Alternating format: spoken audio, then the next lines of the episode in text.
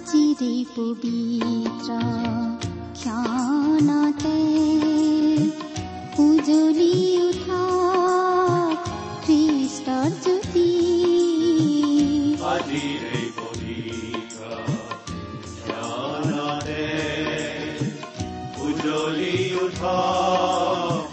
খ্ৰীষ্টৰ জ্যোতি আকাশ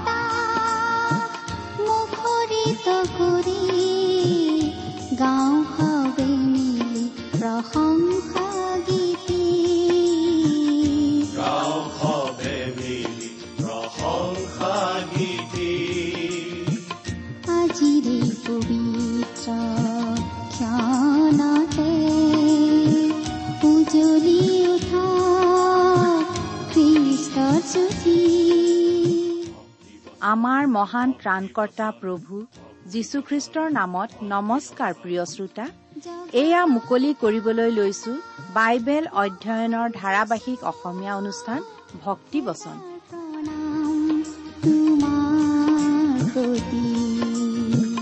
জগতৰ মহান এটাৰ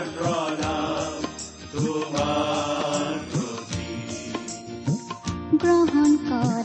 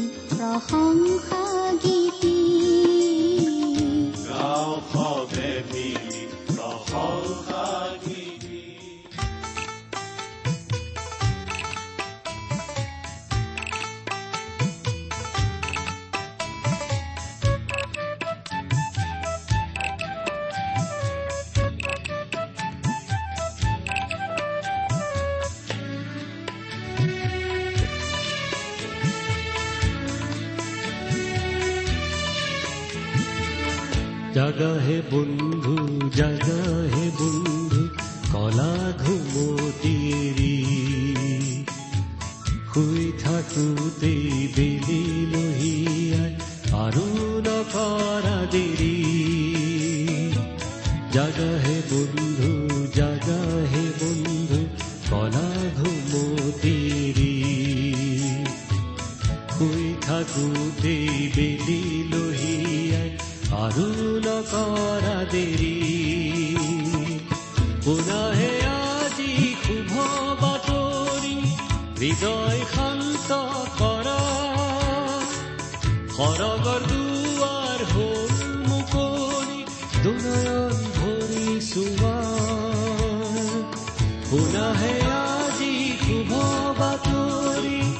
হৃদয় শান্ত কৰা সৰগৰ দুৱাৰ হ'ল মুকলি দুনয়ন ভৰি চোৱা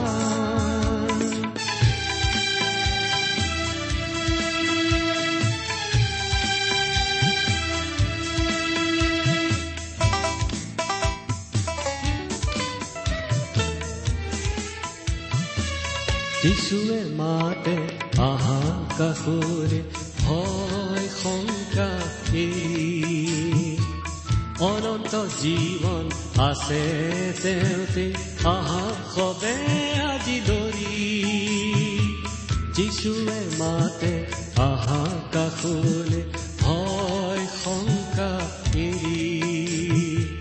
অনন্ত জীৱন আছে তেওঁতে আমাৰ পৰম পবিত্ৰ প্ৰভু যীশুখ্ৰীষ্টৰ নামত নমস্কাৰ প্ৰিয় শ্ৰোতা। আশা কৰো মহান পিতা পৰমেশ্বৰৰ মহান অনুগ্ৰহত আপুনি ভালে কুশলে আছে। লগতে এই বুলিও আশা কৰিছো যে আপুনি আমাৰ এই ভক্তিবচন অনুষ্ঠানটো নিয়মিতভাৱে শুনি আছে। প্ৰিয় শ্ৰোতা এই অনুষ্ঠান শুনি আপুনি কেনে পাইছে আমালৈ চিঠি লিখি জনাবচোন। আপোনালোকৰ পৰা চিঠি পত্ৰ পাবলৈ আমি আগ্ৰহেৰে বাট চাওঁ। আমাৰ যোগাযোগৰ ঠিকনাটো হয়তো আপোনাৰ মনত আছে তথাপি আকৌ এবাৰ কৈ দিছো। ভক্তিবচন টি ডাব্লিউ আৰ ইণ্ডিয়া ডাক পাকচ নম্বৰ সাত শূন্য গুৱাহাটী সাত আঠ এক শূন্য শূন্য এক। ঠিকনাটো আৰু এবাৰ কৈছো ভক্তি বচন টি ডাব্লিউ আৰ ইণ্ডিয়া ডাক বাকচ নম্বৰ সাত শূন্য গুৱাহাটী সাত আঠ এক শূন্য শূন্য এক। আহকচোন আজিৰ বাইবেল অধ্যয়ন আৰম্ভ কৰাৰ আগতে খন্তেক প্ৰাৰ্থনাত মূৰ দুৱাওঁ। স্বৰ্গত থকা অসীম দয়ালু পিতৃ ঈশ্বৰ তোমাৰ মহান নামৰ ধন্যবাদ কৰো। তুমি মহান তুমি কৰুণাময় তুমি অনুগ্ৰহৰ আকৰ। তোমাৰ অনুগ্ৰহতেই আজি আমি প্ৰভু যীশুত বিশ্বাস কৰি পৰিত্ৰাণ পাব পৰা হৈছো তোমাক পিতৃ বুলি মাতিব পৰা হৈছো। তুমি আমালৈ যিমান অনুগ্ৰহ দেখুৱাইছা তাৰ বাবে তোমাক ধন্যবাদ দি আমি শেষ কৰিব নোৱাৰো। এতিয়া প্ৰাৰ্থনা কৰিছো তোমাৰ মহান বাক্য বাইবেল শাস্ত্ৰৰ যোগেৰে তুমি আমাক কথা কোৱা। তোমাৰ মাত আমাক শুনিবলৈ দিয়া। কিয়নো এই প্ৰাৰ্থনা আমাৰ মহান ত্ৰাণকৰ্তা প্ৰভু যীশুখ্ৰীষ্টৰ নামত আগবঢ়াইছো।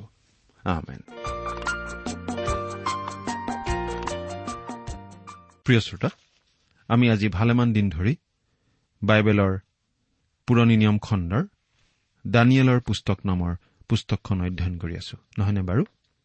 যোৱা অনুষ্ঠানত আমি এই দানিয়েল পুস্তকখনৰ সাত নম্বৰ অধ্যায়ৰ বাৰ নম্বৰ পদলৈকে পঢ়ি আমাৰ আলোচনা আগবঢ়াইছিলো নহয়নে বাৰু? আজিৰ অনুষ্ঠানত আমি এই সাত নম্বৰ অধ্যায়ৰ তেৰ নম্বৰ পদৰ পৰা আলোচনা আৰম্ভ কৰিম। যোৱা অনুষ্ঠানত আমি দানিয়েল ভাৱবাদীয়ে দৰ্শনত দেখা চাৰিটা জন্তুৰ চতুৰ্থটো জন্তুৰ বিষয়ে চাইছিলো আৰু লগতে আমি পাইছিলো দানিয়েলে স্বৰ্গৰ এটা দৰ্শন পোৱাৰ কথাটো। পৃথিৱীত মহাক্লেশ আহিবলৈ উপক্ৰম হৈছে আৰু স্বৰ্গত তাৰ যুঁজা চলিছে। এনেকুৱা এটা অৱস্থা আমি পাইছিলো। আমি জানো সেই দিন ভৱিষ্যতে আহিব।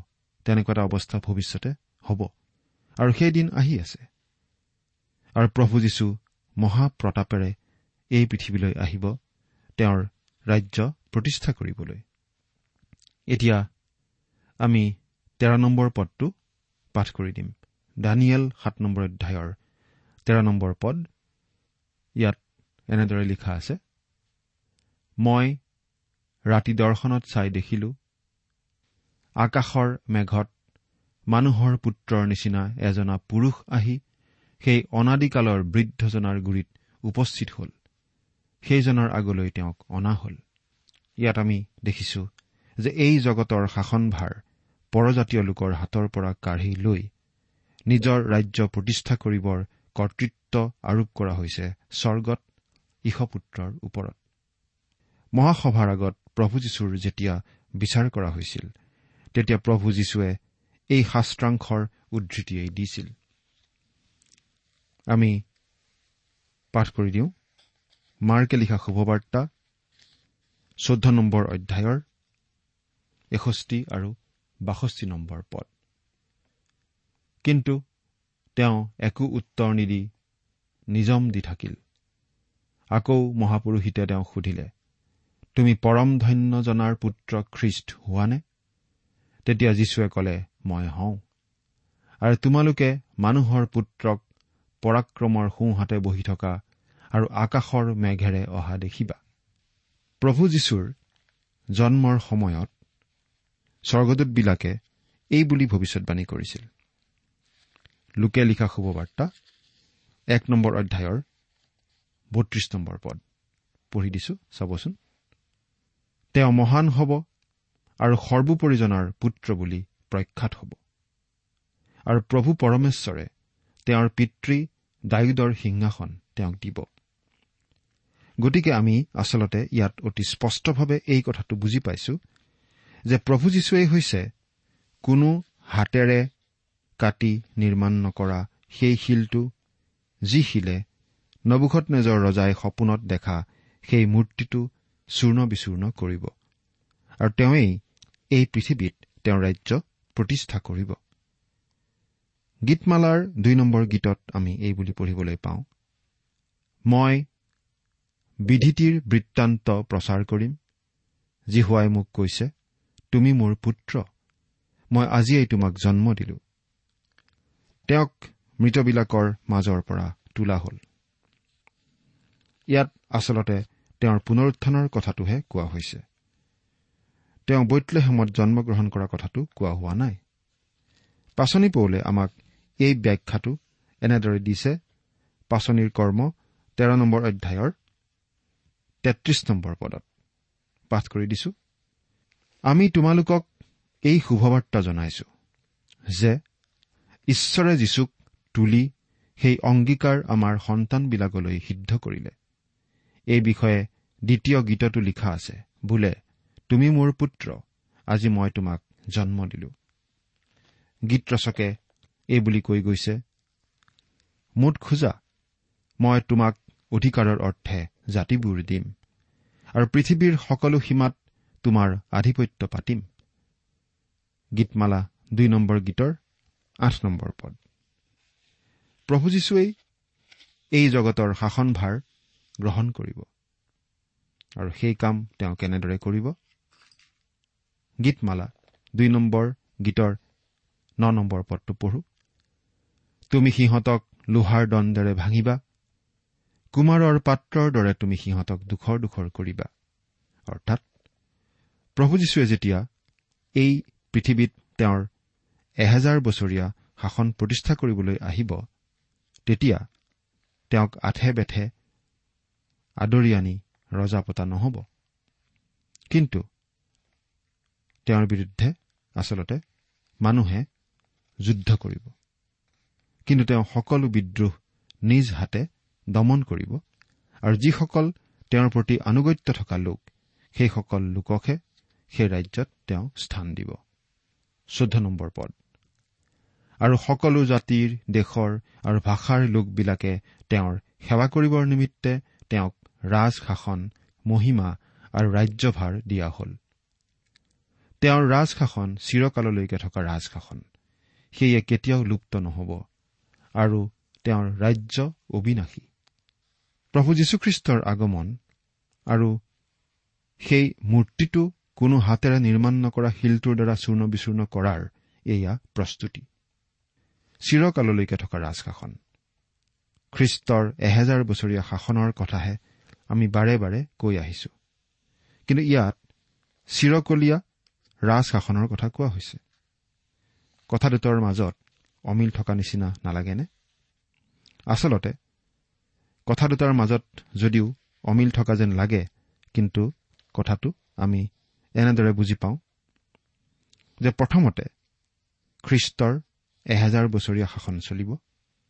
তাৰ পাছত কিছুদিনৰ কাৰণে ছয়তানক মুকলি কৰি দিয়া হ'ব আৰু যীশুৰ বিৰুদ্ধে চমু সময় ধৰি এটা বিদ্ৰোহ হ'ব। সেই সকলোকে ধ্বংস কৰা হ'ব আৰু তাৰ পাছত চিৰকাল ধৰি তেওঁৰ শাসন চলি থাকিব। প্ৰকাশিত বাক্য বিছ নম্বৰ অধ্যায়ৰ ছয় নম্বৰ পদত আমি এনেদৰে পঢ়িবলৈ পাওঁ। এয়ে প্ৰথম পুনৰুত্থান। যিকোনো এই প্ৰথম উত্থানৰ ভাগি হয় তেওঁ ধন্য আৰু পবিত্ৰ।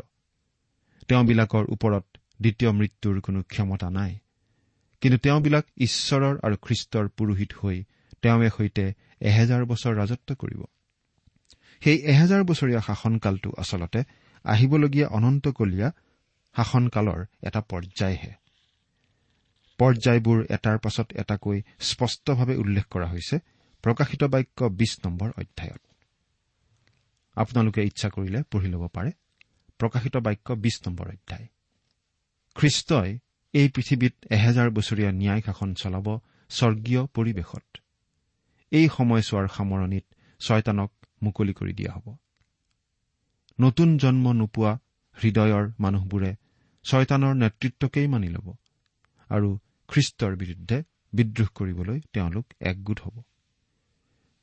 তেতিয়া ছয়তান আৰু ছয়তানৰ লগ লোৱা সকলো বিৰোধী লোকক অগ্নিৰ সৰোবৰত পেলোৱা হ'ব। পৰিত্ৰাণ নোপোৱাকৈ মৃত্যুমুখত পৰা লোকবিলাকক আকৌ পুনৰুত্থিত কৰা হ'ব। বগা সিংহাসনত বহি খ্ৰীষ্টই কৰিবলগীয়া বিচাৰৰ বাবে। ইয়াৰ পাছত সেই অনন্তকলীয়া ৰাজ্যৰ প্ৰকৃত ছবিখন দেখা যাব। ঈশ্বৰৰ বাক্যত এই কথা অতি পৰিষ্কাৰভাৱে জনাই দিয়া হৈছে যে খ্ৰীষ্টই স্থাপন কৰিবলগীয়া এই অনন্তকলীয়া ৰাজ্যখনৰ স্থান হ'ব এই পৃথিৱীয়েই। আমি মিশা চাৰি নম্বৰ অধ্যায়ৰ দুই নম্বৰ পদত এনেদৰে পঢ়িবলৈ পাওঁ অনেক জাতিয়ে ওলাই কব বলা আমি জিহুৱাৰ পৰ্বতখনলৈ জাকুবৰ ঈশ্বৰৰ গৃহটিলৈ উঠি যাওঁ হওক তেওঁ আমাক নিজ পথৰ বিষয়ে শিক্ষা দিব। তাতে আমি তেওঁৰ পথত গমন কৰিম। কিয়নো চিউনৰ পৰা ব্যৱস্থা আৰু জিৰচালেমৰ পৰা জিহুৱাৰ বাক্য ওলাব। এতিয়া আমি পোন্ধৰ আৰু ষোল্ল এই পদ দুটা পঢ়ি দিব খুজিছো। দানিয়েল যি মই মোৰ শৰীৰত মোৰ আত্মাই যাতনা পালে আৰু মোৰ মানসিক দৰ্শনে মোক ব্যাকুল কৰিলে। পাছে থিয় হৈ থকাবিলাকৰ মাজৰ এজনৰ ওচৰলৈ মই গৈ এই সকলোৰ বিষয়ে তেওঁক ঠিক কথা সুধিলো। তাতে তেওঁ এই কথা কৈ এই সকলোৰ অৰ্থ মোক বুজালে। সপোনত দেখা সেই মূৰ্তিটোৰ কথাখিনিয়ে নবুখনেশ্বৰক যেনেকৈ আমনি কৰিছিল তেনেকৈ এই দৰ্শনটোৱে দানিয়েলক বৰকৈ আমনি কৰিছিল।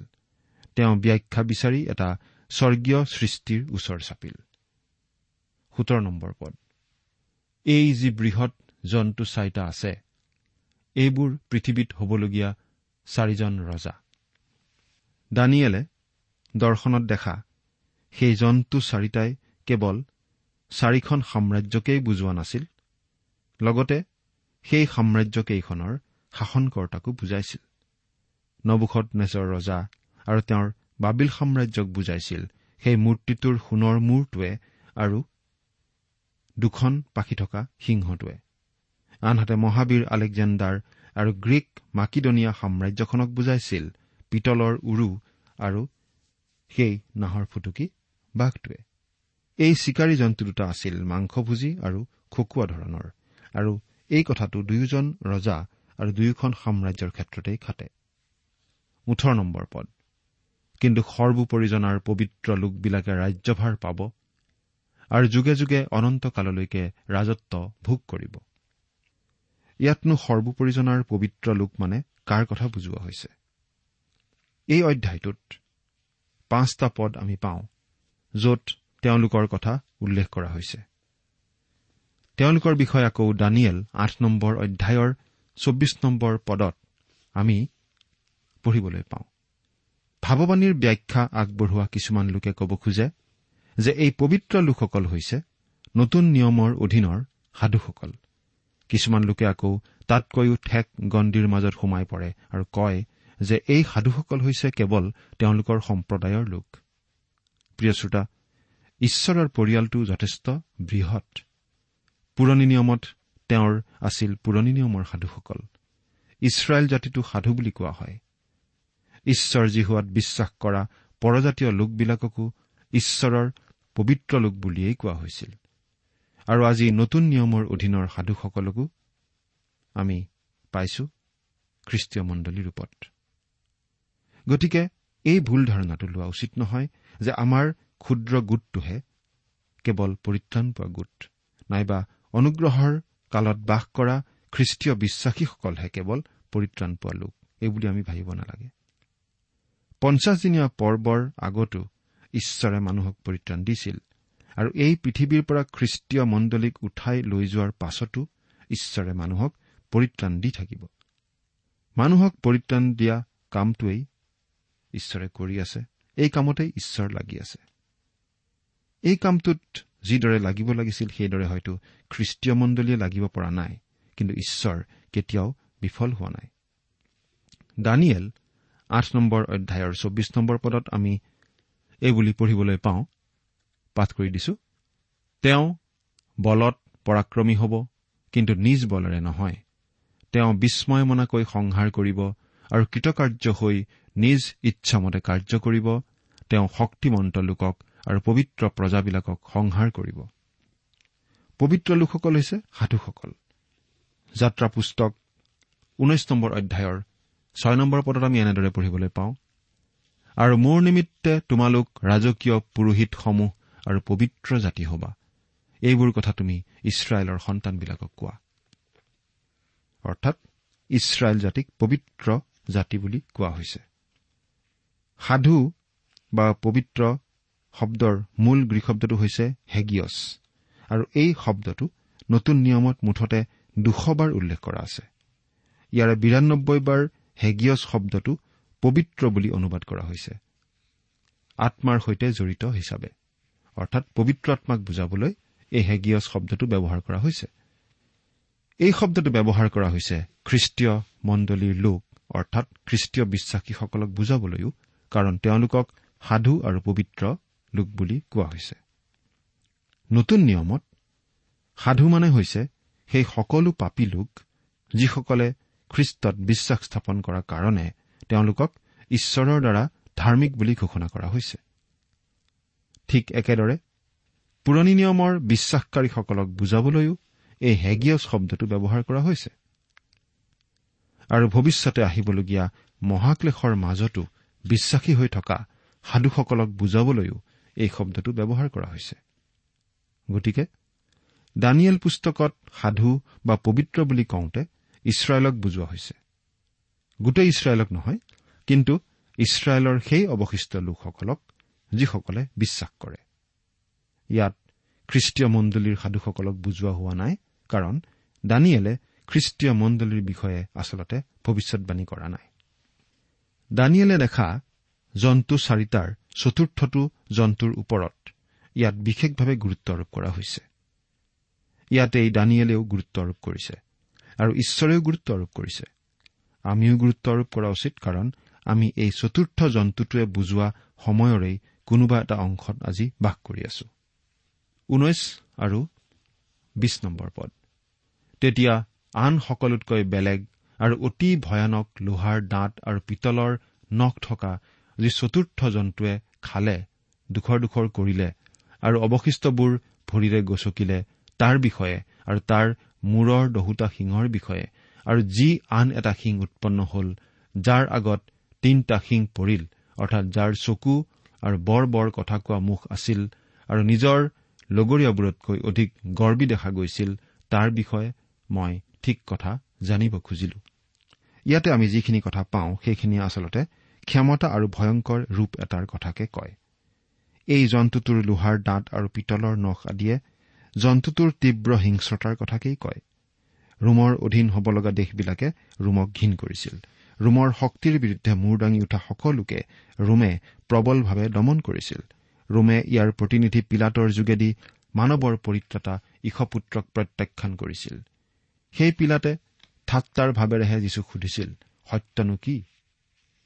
ৰোমে খ্ৰীষ্টক ক্ৰুচত দিছিল। আৰু খ্ৰীষ্টীয় মণ্ডলীৰ ওপৰতো ৰোমে তাৰণা চলাইছিল। সেই জন্তুটোৰ পৰা দহটা শিং বাঢ়ি ওলোৱা কথাটোৱে আচলতে শেষ সময়ত উদ্ভৱ হোৱা অৱস্থা এটাক বুজাইছে। এখন নতুন সাম্ৰাজ্য গঢ়ি উঠিব বুলি বুজোৱা নাই। এই কথাও আমি মনত ৰখা উচিত যে মৰা জন্তু এটাৰ পৰা শিং কেইটা ওলোৱা নাই। ৰোম আচলতে এই ভাগি ছিগি যোৱা সাম্ৰাজ্যখনৰ অৱশিষ্ট দেশবোৰৰ মাজত আজিও জীয়াই আছে। ইউৰোপ উত্তৰ আফ্ৰিকা আৰু হয়তো এছিয়াৰ দুই এটা অংশত। কোন কোন দেশৰ মাজত জীয়াই আছে আমি সঠিককৈ নিশ্চয় ক'ব নোৱাৰো। শেষৰ পিনে সৰু শিংটোৰ আগত তিনিটা শিঙৰ পতন হ'ব। অৰ্থাৎ সেই সৰু শিংটোৱেই হ'ব সকলোতকৈ প্ৰভাৱশালী ব্যক্তি। ব্যক্তিত্ব সামৰ্থ্য প্ৰচাৰ আৰু জনতাৰ মাজত গ্ৰহণযোগ্যতাৰ ফালৰ পৰা এই সৰু শিংটোৱেই সকলোতকৈ আগবঢ়া হ'ব আৰু এই সৰু শিংটোৱেই হৈছে খ্ৰীষ্টাৰী পাপ পুৰুষ আৰু প্ৰথম পশু। এই বিষয়ে প্ৰকাশিত বাক্য তেৰ নম্বৰ অধ্যায়ৰ তিনিৰ পৰা ছয় পদলৈকে আপোনালোকে পঢ়ি চাব পাৰে। একৈশ নম্বৰ পদ। মই চাই থাকোতে থাকোতেই সেই শিঙে পবিত্ৰবিলাকৰ লগত যুদ্ধ কৰি তেওঁবিলাকক পৰাজয় কৰিলে। এই কথাটো মন কৰা উচিত যে খ্ৰীষ্টাৰীৰ অধীনত ৰোম আকৌ এক বিশ্বশক্তি হৈ উঠিব। প্ৰকাশিত বাক্য তেৰ নম্বৰ অধ্যায়ৰ সাত নম্বৰ পদত আমি এই বুলি পঢ়িবলৈ পাওঁ আৰু পবিত্ৰ লোকে সৈতে যুদ্ধ কৰি তেওঁবিলাকক জয় কৰিবলৈ তাক শক্তি দিয়া হ'ল। আৰু সকলো ফৈদ লোক ভাষা আৰু জাতিবিলাকৰ ওপৰত তাক ক্ষমতা দিয়া হ'ল। এয়েই হ'ব পৃথিৱীত চলা মহাক্লেশৰ সময়ছোৱাৰ শেষৰ পিনে অতি চমু এচোৱা সময়। আৰু সেই মহাক্লেশ আৰম্ভ হোৱাৰ আগতেই পৃথিৱীৰ পৰা খ্ৰীষ্টীয় মণ্ডলীক উঠাই লৈ যোৱা হ'ব। ৰমীয়া লোকবিলাক যুদ্ধপ্ৰিয় লোক আছিল। অৱশ্যে সেই স্বভাৱটো মানুহৰ মাজত আজিও চলি আছে। এটা বুজাব নোৱাৰা সাঁথৰৰ নিচিনা কথা এয়েই যে আজিৰ যুগটোতেই শান্তিৰ প্ৰচেষ্টা অনবৰতেই চলি থাকে আৰু আজিৰ যুগতেই শান্তি নাই। শান্তি বিচাৰি মানুহে শোভাযাত্ৰা উলিয়ায় কিন্তু আমাৰ মাজত শান্তি নাই। বাইবেলতে এই বুলি লিখিছে প্ৰথম থিচলনিকীয়া পাঁচ অধ্যায় তিনি পদত যেতিয়া মানুহবিলাকে বুলিব শান্তি আৰু নিৰ্বিঘ্নতা তেতিয়া গৰ্ভৱতীৰ প্ৰসৱ বেদনাৰ নিচিনাকৈ তেওঁবিলাকৰ আকস্মিক বিনাশ উপস্থিত হ'ব। তাতে তেওঁবিলাকে কোনোমতে সাৰিব নোৱাৰিব। যুদ্ধ বিগ্ৰহ আমাৰ হৃদয়তে আছে। মানৱ জাতিৰ লিখিত ইতিহাসত আমি প্ৰায় পোন্ধৰ হাজাৰখন যুদ্ধৰ কথা পাওঁ আৰু প্ৰায় আঠ হাজাৰটা শান্তি চুক্তি স্বাক্ষৰিত হোৱাৰ কথা পাওঁ। কিন্তু মানুহে কিজানি এতিয়ালৈকে দুশ বা তিনিশ বছৰো শান্তিপূৰ্ণ পৰিৱেশ পোৱা নাই। ৰোমান সাম্ৰাজ্য আকৌ গঢ়া হ'ব আৰু এই কামটো কৰিব খ্ৰীষ্টাৰীয়ে। খ্ৰীষ্টাৰীয়ে বিশ্ব শক্তি আহৰণ কৰিব আৰু বিশ্ব শাসন কৰিব। আৰু খ্ৰীষ্টাৰীয়ে স্বৰ্গত থকা ঈশ্বৰৰ নামৰ নিন্দা কৰিব। বিশ্বৰ লোকসকলে আচলতে আজি তেনেকুৱা এজন শক্তিশালী নেতাই বিচাৰি আছে আৰু খ্ৰীষ্টাৰীয়ে হ'ব সেই নেতা। খ্ৰীষ্টাৰী আহিব এজন মানৱপ্ৰেমী লোকৰ ছদ্মবেশেৰে শান্তি সমৃদ্ধি আৰু উভৈনদী অৱস্থাৰ কথা ক'ব। মানুহক চলাহী কথাৰে ঈশ্বৰৰ পৰা আঁতৰাই আনিব আৰু কেৱল মানৱীয়তাৰ কথাই ক'ব। কিন্তু পাছত নিজৰ আচল ৰূপ প্ৰকাশ কৰিব। কিন্তু সেই দিন আহি আছে। কিন্তু যেতিয়ালৈকে এই পৃথিৱীৰ পৰা খ্ৰীষ্টীয় মণ্ডলীক উঠাই লৈ যোৱা নহয় তেতিয়ালৈকে সেই খ্ৰীষ্টাৰীয়ে আত্মপ্ৰকাশ নকৰে।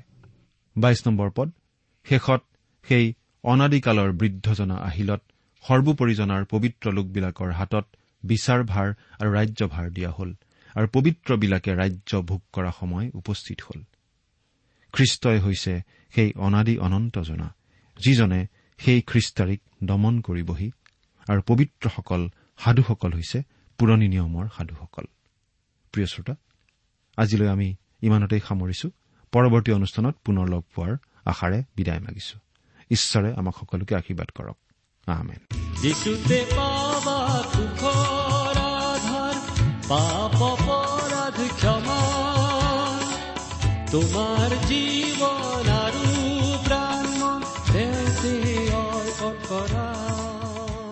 ইমান পৰে আপুনি ভক্তিবচন অনুষ্ঠানটি শুনিলে। অনুষ্ঠানটি শুনি কেনে পালে? আমালৈ চিঠি লিখি জনাবচোন। অনুষ্ঠানত প্ৰচাৰ কৰা কোনো কথা বুজিব লগা থাকিলেও আমালৈ লিখক। আমাৰ ঠিকনা ভক্তিবচন টি ডাব্লিউ আৰ ইণ্ডিয়া ডাক পাকচ নম্বৰ সাত শূন্য গুৱাহাটী সাত আঠ এক শূন্য শূন্য এক। ঠিকনাটো আৰু এবাৰ কৈছো ভক্তিবচন টি ডাব্লিউ আৰ ইণ্ডিয়া ডাক পাকচ নম্বৰ সাত শূন্য গুৱাহাটী সাত আঠ এক শূন্য শূন্য এক।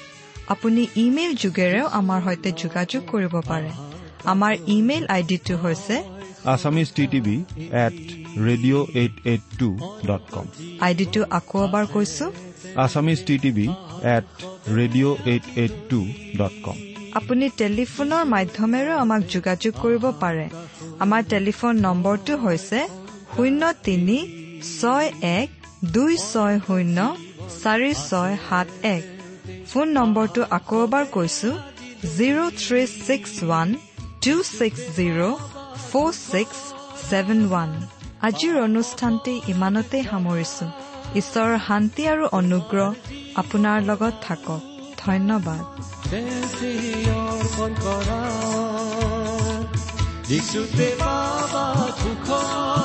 আধাৰ পাপ অপৰাধ ক্ষমা।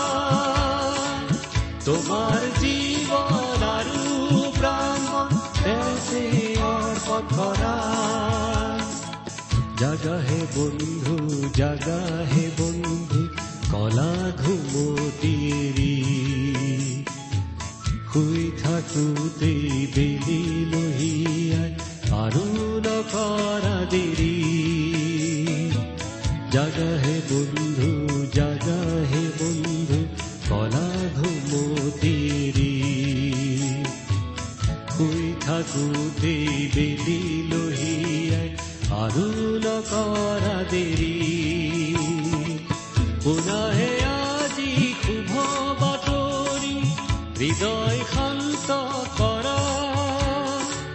সৰগৰ